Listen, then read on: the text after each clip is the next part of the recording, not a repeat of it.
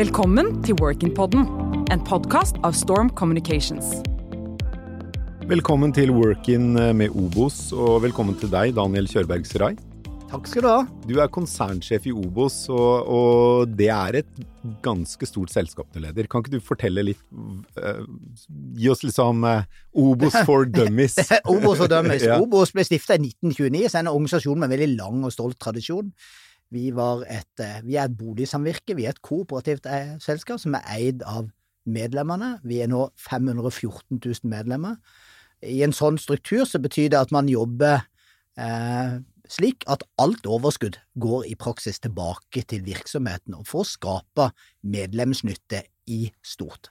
Kjerneformålet til Obos, som vi har hatt med oss helt fra 1929, er jo at vi skal bygge boliger til medlemmene. Og, det vi driver jo nå en av Nordens største boligbyggere.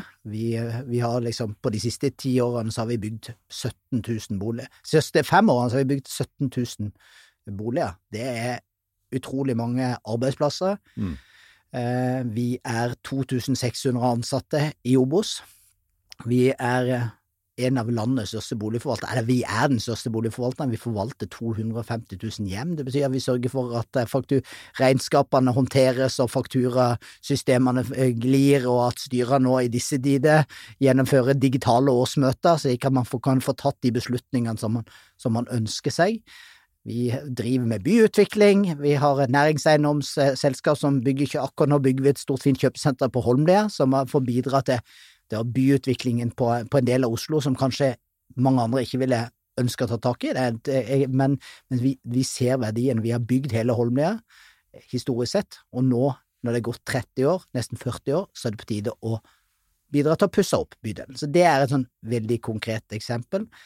Vi driver en bank eh, som det handler jo liksom, Dette har vi også hatt med oss fra 1929. Det handler rett om at skal du kjøpe et hus, så må du ha finansiering.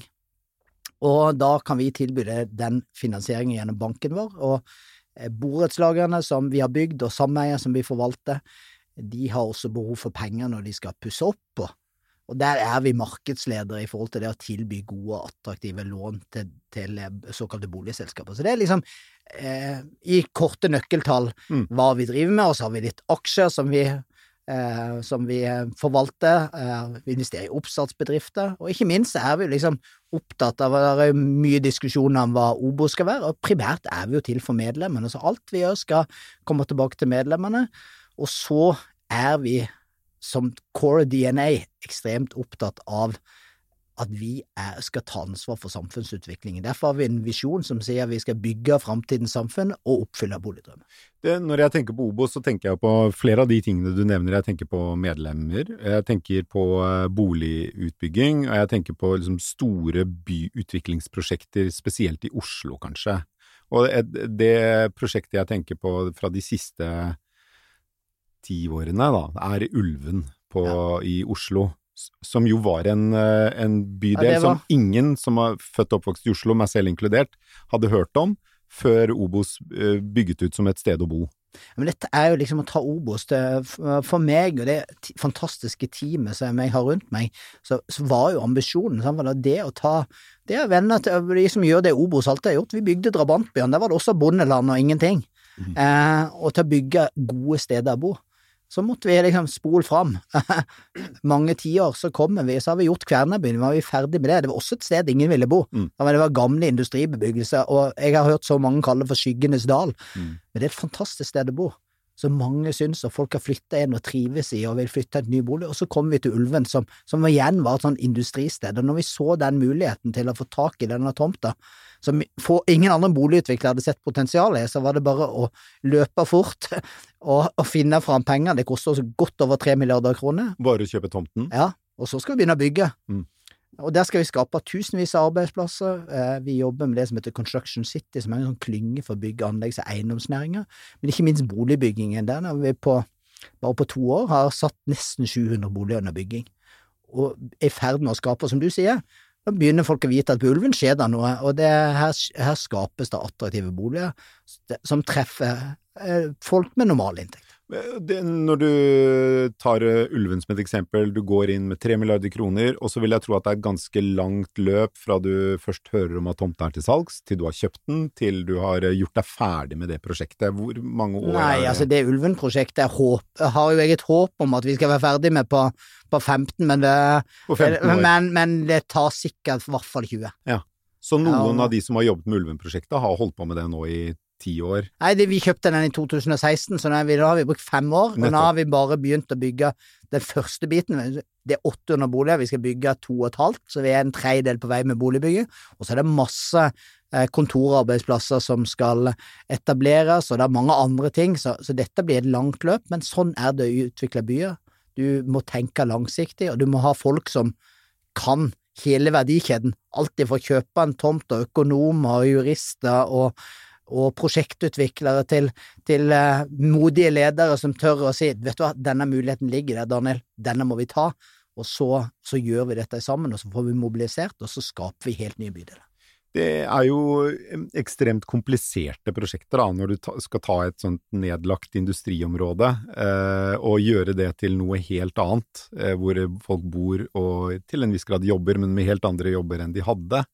Eh, da er det også svært mange typer kompetanser man trenger, Ja, som men du må ha et utrolig bredt lag, Mm, ikke bare internt hos deg selv, og det er jo det spennende med å jobbe hos oss, eh, det er jo liksom at både har du et veldig bra team rundt deg, men vi jobber med, med de beste folka som ikke jobber i Obos òg.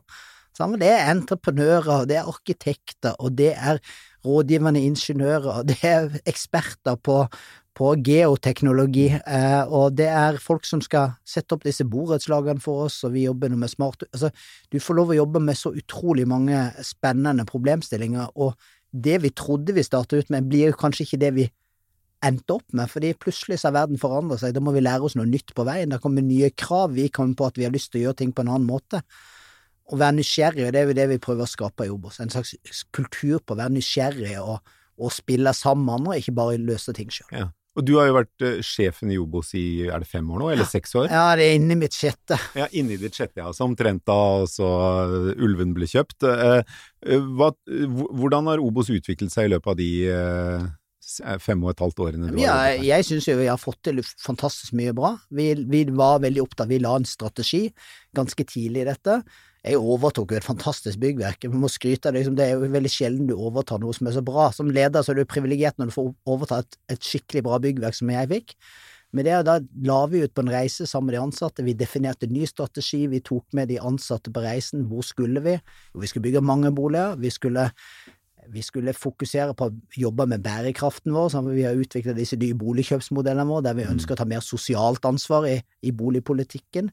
Vi var veldig tydelige på at vi ønsker større medarbeiderengasjement, fokus på innovasjon og digitalisering. Altså rett og slett å pusse opp sammen med et hus er fantastisk bra, men når det har gått noen år, så er det også en del, eh, en del sånn oppussingsarbeid som må gjøres, og det var det vi gjorde, og jeg syns vi har fått til veldig mye spennende på disse årene. Og om fem år, hvor tror du Obos er da? Hva slags type selskap er det? Nei, det er bare et enda mer spennende selskap. Vi, for, for det første så, så er vi et selskap som medlemmene opplever som enda mer relevant. Vi har kanskje flyttet oss mer i, i, i retning av å, å, å ta med medlemmene mer, mer på reisen, istedenfor bare å være introverte og tenke på hva, hva våre kloke hoder kan tenke. Kanskje vi er blitt enda flinkere til å ta med medlemmene på reisen vår. Mm. Eh, vi er blitt enda, en enda mer attraktiv arbeidsgiver. Nå er vi den mest attraktive arbeidsgiveren i eiendomsbransjen, men vi vil jo høyere opp på ratingen på, på mange av de viktigste yrkesgruppene våre. Og ikke minst så, så opp, skal samfunnet rundt oss oppleve at det vi gjør er nyttig. Vi leverer samfunnsbidrag. Vi, vi har bygd mange, skaffa hjem til mange flere Oslo-boliger, borgere, helt, og borgere over hele landet eh, som kanskje ikke hadde hatt muligheten til å komme inn i boligmarkedet hvis det ikke var for det arbeidet vi i Obos gjør. Så det er liksom tre sånne målsetninger for meg. Eh, og den siste, ikke minst, eh, vi, vi må jo ta, ha brakt, det, brakt tatt vårt ansvar i forhold til klima og miljø. Mm. Innen, om fem år så må vi ha gjort utrolig mye. Vi har sagt at vi skal redusere fotavtrykket på CO2 med 45% innen 2026. Det er en ganske ambisiøs målsetting, men det må vi bare komme i mål med. Tusen takk skal du ha, Daniel Sirai. Takk. Ønsker du å lære mer om spennende karrieremuligheter og hvordan du kan lykkes i fremtidens arbeidsliv? Trykk subscribe og følg Workin på LinkedIn og Facebook.